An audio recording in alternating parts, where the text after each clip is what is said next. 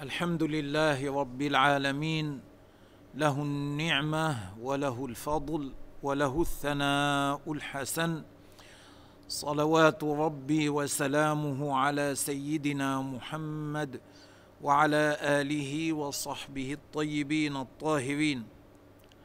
كلامنا إن شاء الله تعالى على الحديث التاسع والعشرين من الأربعين النووية. التاسع والعشرون. يعني هذا الحديث التاسع والعشرون. عن معاذ رضي الله عنه أنه قال هو معاذ بن جبل رضي الله عنه روي الحديث عنه من طرق. نعم أنه قال قال قلت يا رسول الله قال إلى آخره قلت أي في غزوة تبوك. كان معاذ في غزوة تبوك فسأل رسول الله صلى الله عليه وسلم عن هذا الأمر. نعم. قال قلت يا رسول الله أخبرني بعمل يدخلني الجنة. يعني بلا سبق عذاب أدخل به الجنة بلا عذاب. ويباعدني من النار. إيه، فلا أدخلها بالمرة وفي بعض طرق هذا الحديث أن معاذا قال للنبي عليه الصلاة والسلام يا رسول الله إني أريد أن أسألك عن كلمة قد أمرضتني وأسقمتني وأحرقتني. قال قال سل عما شئت. وهذا يدل على مبلغ اهتمام معاذ بأمر الدين وتعلمه ومعرفة أحكامه حتى يعمل به. وفي الحديث أيضا لأنه قال دلني على عمل أو أخبرني بعمل يدخله يدخلني الجنة. في هذا الحديث دليل على أن الأعمال سبب لدخول الجنة الأعمال الصالحة سبب لدخول الجنة. على خلاف ما قاله آه، ملاحدة المتصوفة الذين يقولون لا عبرة بالأعمال. العبرة بصفاء النفس. وعلى خلاف ما قاله المعتزلة من أن الأعمال توجب على الله الأعمال الصالحة على زعمهم توجب على الله أن يثيب فاعلها. أما نحن أهل السنة فنقول الأعمال سبب لدخول الجنة من غير أن توجب على الله شيئا.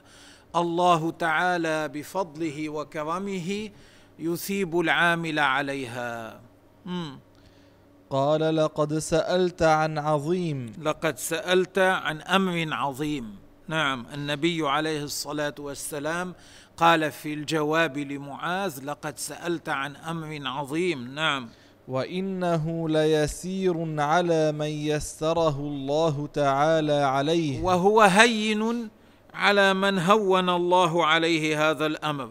وسهل له اكتسابه ولم يجبه فورا إنما قدم له بهذه الجملة تشويقا له تشويقا لمعاذ وترغيبا له في أن يفعل ما سيقول له. م.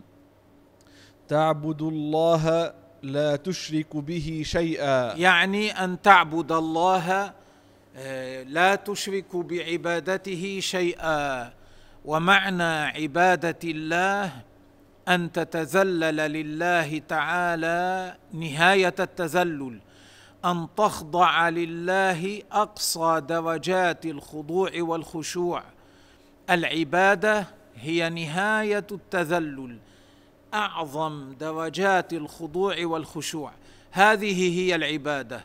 ليست العبادة مجرد الخوف مجرد الخوف ليست مجرد الرجاء ليست مجرد الطلب ليس ليست مجرد الاستعانة ليست مجرد الاستغاثة.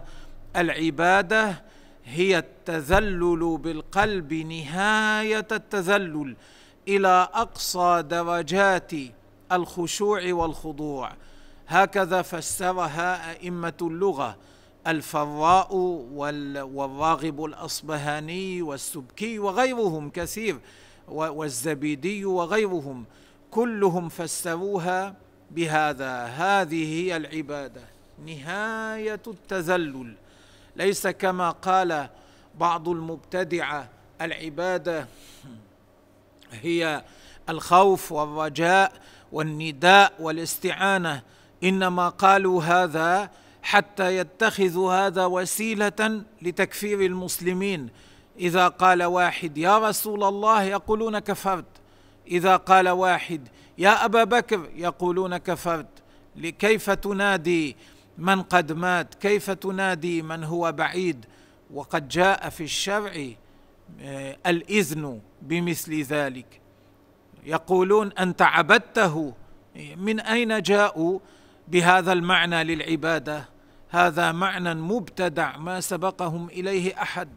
ما قال أحد من السلف ولا ممن تبعهم بإحسان إن العبادة هي مجرد النداء أو الاستغاثة أو نحو ذلك. نعم. وتقيم الصلاة. فإذا تعبد الله لا تشرك به شيئا لا تعبد معه غيره. وتقيم الصلاة أي الصلاة المكتوبة تصليها وتداوم عليها. وتؤتي الزكاة. أي تدفع الصدقة المفروضة عليك. إذا وجبت عليك تدفعها. وتصوم رمضان. أي تصوم أيام شهر رمضان. وتحج البيت. أي إن استطعت إليه سبيلا. ثم قال ألا أدلك على أبواب الخير؟ ألا أخبرك النبي عليه الصلاة والسلام أراد أن يزيده في الفائدة. قال ألا أدلك على الطرق المؤدية للاستزادة من الخير للزيادة من الخير؟ الصوم جنة. ثم بدأ يذكر له عليه الصلاة والسلام. الصوم يريد صلى الله عليه وسلم صوم النفل لأن صوم الفرض ذكره قبل. الصوم أي نفلا وتطوعا جنة أي وقاية. الصوم يعينك في الوقاية من المعاصي. وإذا وإذا وقاك من المعاصي يقيك بذلك من نار جهنم. فالصوم جنة أي وقاية كما روى النسائي الصيام جنة ما لم تخرقها الصيام مثل الدرع يحفظك إلا إذا أنت خرقت الدرع إذا خرقت الدرع بالغيبة إذا خرقت الدرع بالنميمة ونحو ذلك من الأفعال والكلام عند ذلك لا يعود جنة تقيك. وإلا فالصوم وقاية تقي الإنسان من من المعاصي وبالتالي تقي يعني وهذا مؤداه ومقتضاه وقايته من نار جهنم. والصدقة تطفئ الخطيئة. أيضا المقصود بالصدقة هنا الصدقة النافلة. والصدقة أي الصدقة النافلة تطفئ الخطيئة الصغيرة.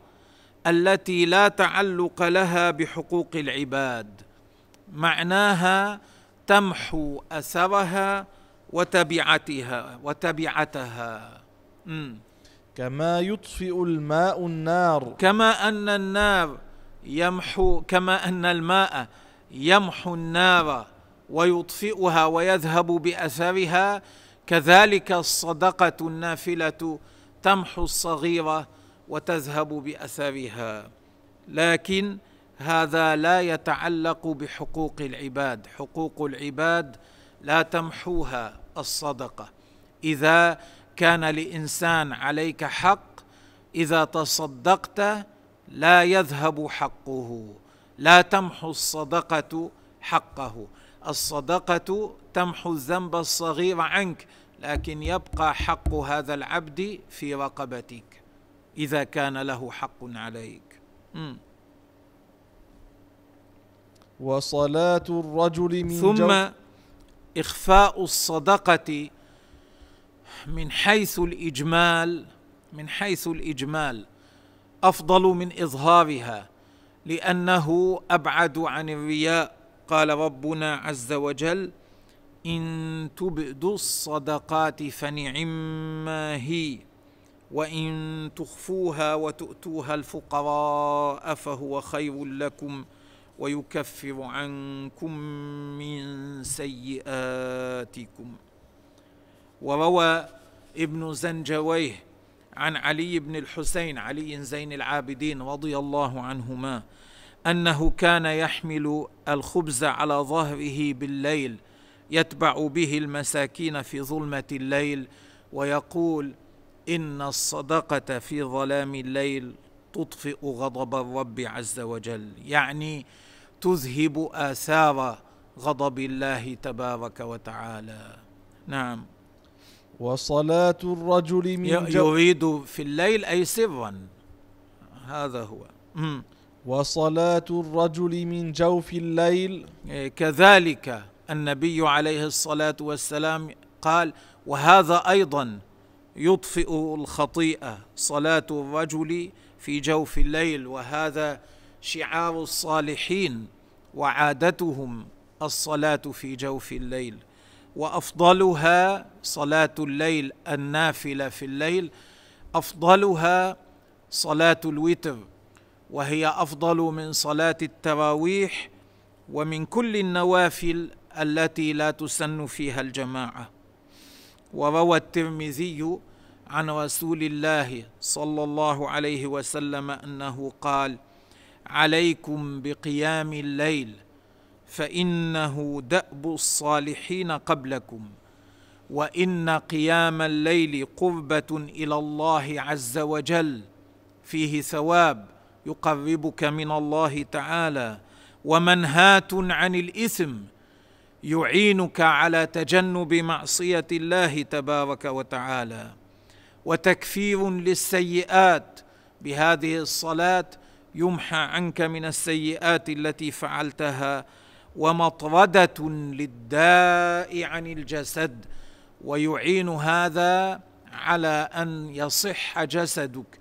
قيام الليل يذهب عنك عن, جد عن جسدك وبدنك الداء. ويحصل فضل قيام الليل بركعتين إذا قام الإنسان في الليل فصلى ركعتين يكفي هذا لحصول آه، فضل قيام الليل. أما أفضله فهو صلاة سيدنا داود عليه السلام. كان ينام نصف الليل ثم يصلي ثلثه يقوم ثلثه ثم ينام سدسه. وهكذا كان النبي عليه الصلاة والسلام يفعل في كثير من أحواله. إذا صاح الديك في منتصف الليل قام فتوضأ وصلى. إلى أن يمضي ثلث الليل تقريبا. بعد ذلك يستلقي ثم يقوم بعد ذلك لصلاة الصبح. نعم. ثم تلا. تلا يعني رسول الله صلى الله عليه وسلم. نعم. تتجافى جنوبهم عن المضاجع. امضي. ثم قال ألا أخبرك برأس الأمر؟ حتى بلغ حتى بلغ يعملون. طيب نعيد. إيه، عيد يا إسماعيل نعم. لو سمحت.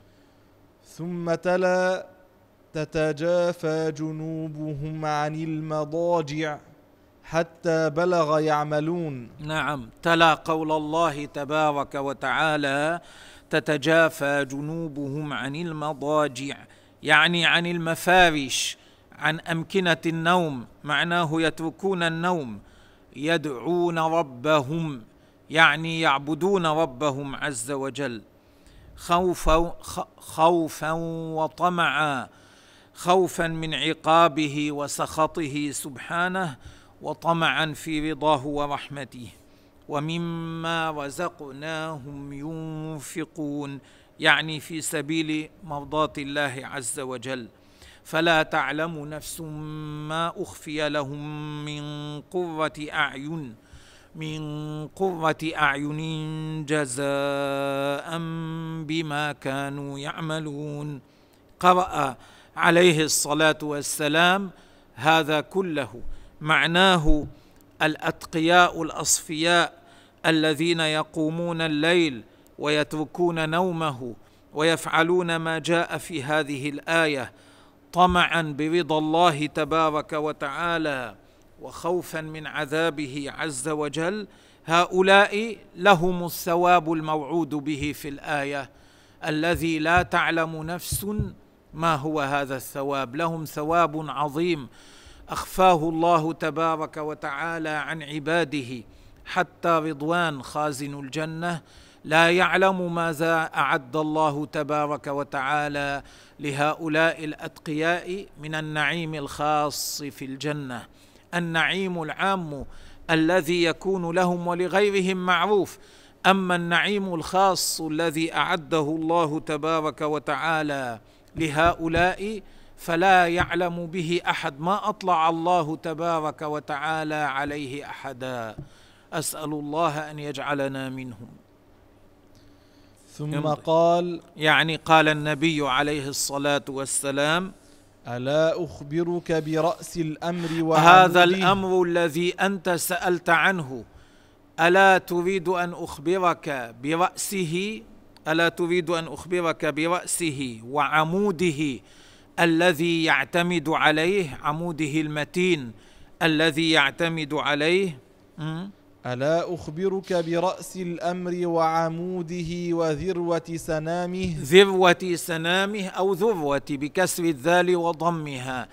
أي أي أعلى هذا الأمر. السنام هو هذا الجزء المرتفع من الجمل الذي يلي رقبته. أي ما تريد أن أخبرك برأس هذا الأمر الذي أنت سألت عنه. وبعموده المتين الذي يعتمد عليه وبأعلاه قلت بلى يا رسول الله. قال بلى يا رسول الله أخبرني. قال رأس الأمر الإسلام. رأس الأمر الإسلام. فهذا الأمر آه، رأسه الإسلام. إذا لم يوجد لا يوجد هذا الأمر كله. لا ينفعك لا ينفع الإنسان من العمل الصالح شيء إذا لم يوجد هذا الشيء الذي هو رأس رأسه الذي هو الإقرار بالشهادتين.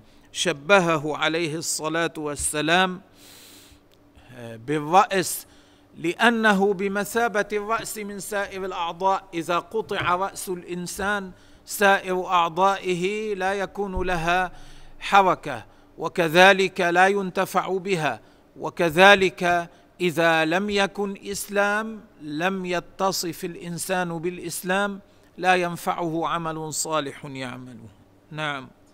وعموده نعم. وعموده الصلاة. وعموده الصلاة شبه الصلاة بعمود الخيمة لأن قيام الدين بالصلاة إذا حصل الإنسان الإسلام حصل الأصل ثم قيام دينه إنما يكون بالصلاة هي عماد الدين كما جاء في حديث البيهقي وغيره. من أقامها فقد أقام الدين ومن هدمها فقد هدم الدين. وهي أفضل الأعمال بعد الإيمان بالله ورسوله فرضها أفضل الفروض ونفلها أفضل النوافل. وذروة سنامه الجهاد. وأعلى الأمر ذروة سنامه الجهاد. أعلى هذا الأمر الذي سألت عنه الجهاد في سبيل الله لأن به حماية بيضة الدين يعني حماية جماعة الدين جماعة أهل الإسلام.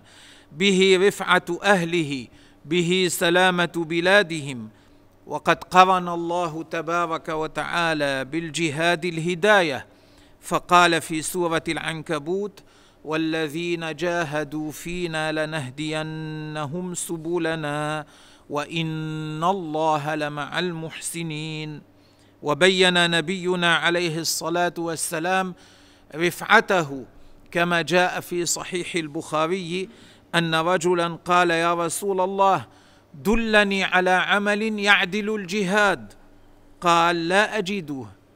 قال هل تستطيع إذا أي عمل من الأعمال التي النوافل لا تعدل الجهاد؟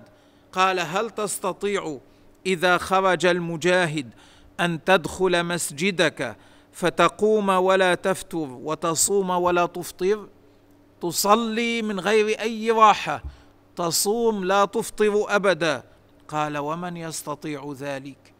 وهذا يدل على عظيم محل الجهاد في سبيل الله. والمقصود الجهاد الذي أذن به ربنا تبارك وتعالى ليس قتل الناس بغير حق كما يفعل كثير من هؤلاء الغلاة الذين يقتلون ولا يميزون بين بريء وغيره لا يميزون بين معتد وغير معتد لا يميزون بين من له أمان ومن ليس له أمان لا يميزون بين محارب بين حربي وغير حربي. إنما يقتلون الناس بغير تمييز. ليس المراد هؤلاء الذين يقتلون الأطفال والنساء وغيرهم. ليس هذا المراد ليس المراد القتال الذي يجلب الضرر على المسلمين والذي لا تحفظ معه العهود والمواثيق إنما المراد الجهاد الذي شرعه الله تبارك وتعالى في دينه للمسلمين حفاظا على الدين وحفاظا على جماعة المسلمين. وغير ذلك من الأمور التي بينها رسول الله صلى الله عليه وسلم. والحاصل أن العبد إذا لم يقر بالشهادتين لم يكن له شيء من آثار السعادة. فإذا أقر بالشهادتين حصل له أصل الدين. فإذا أقام الصلاة بعد ذلك صار له زيادة قوة في اليقين مثل مثل البيت. إذا لم يكن له عمود متين لا يكون له قوام.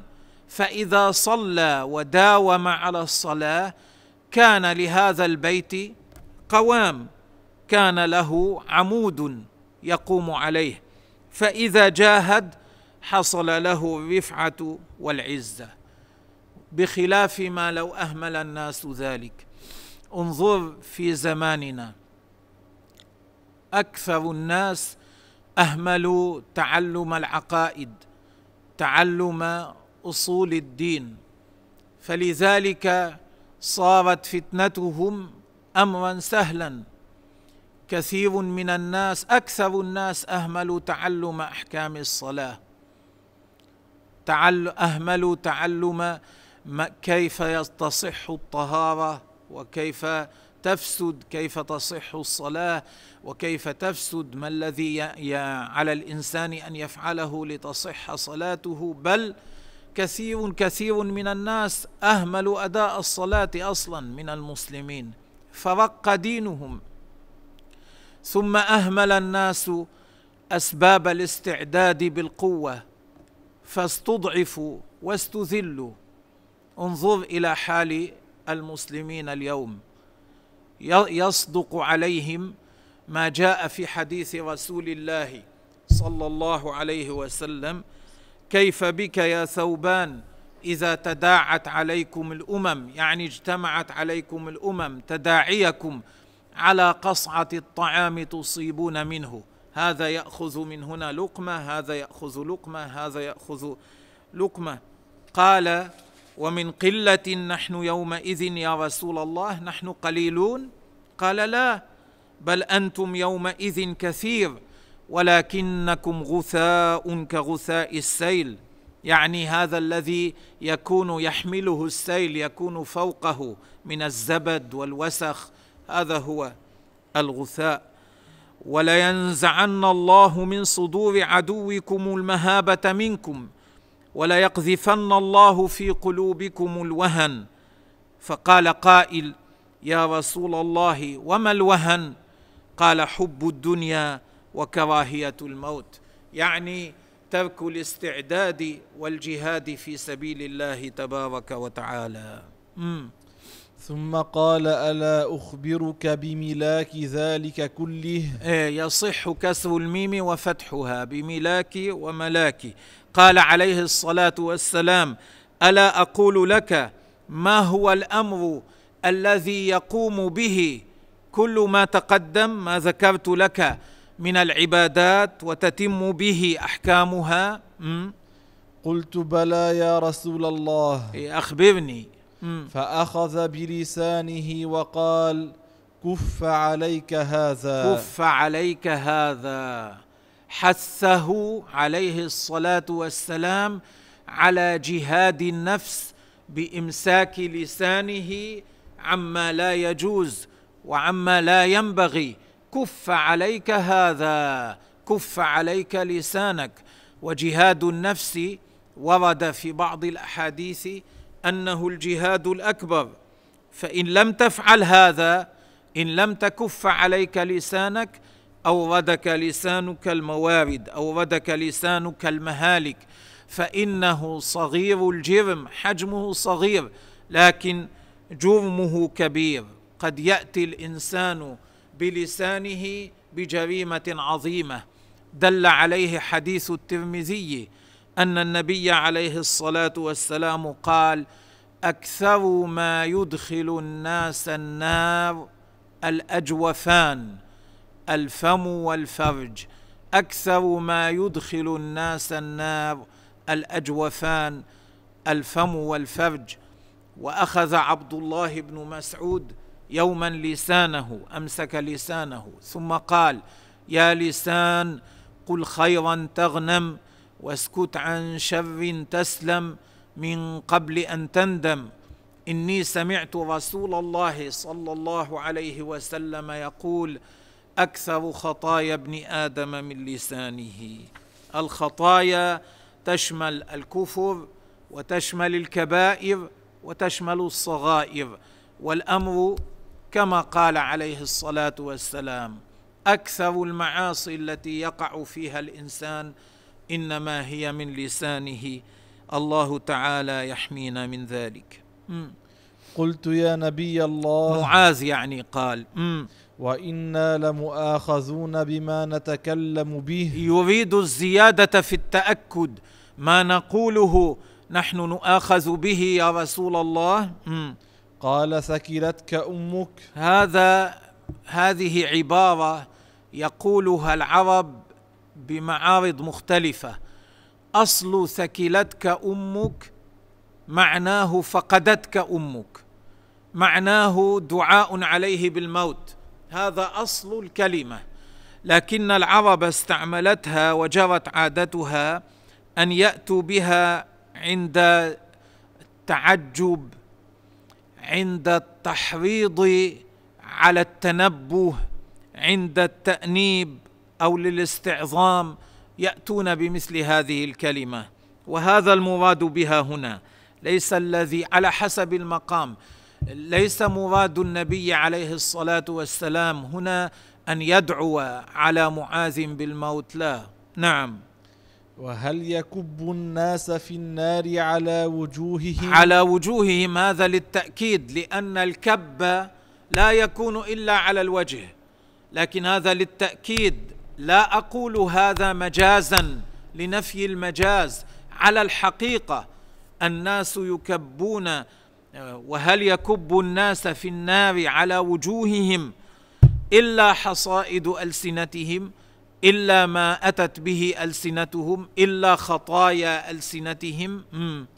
أو قال على مناخرهم الا أو شك الراوي ماذا ما كيف هي الرواية؟ على وجوههم أو على مناخرهم؟ نعم. إلا حصائد ألسنتهم. إلا حصائد ألسنتهم إلا ما يحصد بألسنتهم. حصائد جمع حصيدة بمعنى محصودة يعني على وزن فعيلة بمعنى مفعولة. يعني آه، الذي يكب الناس في النار على وجوههم هو ما تحصده ألسنتهم.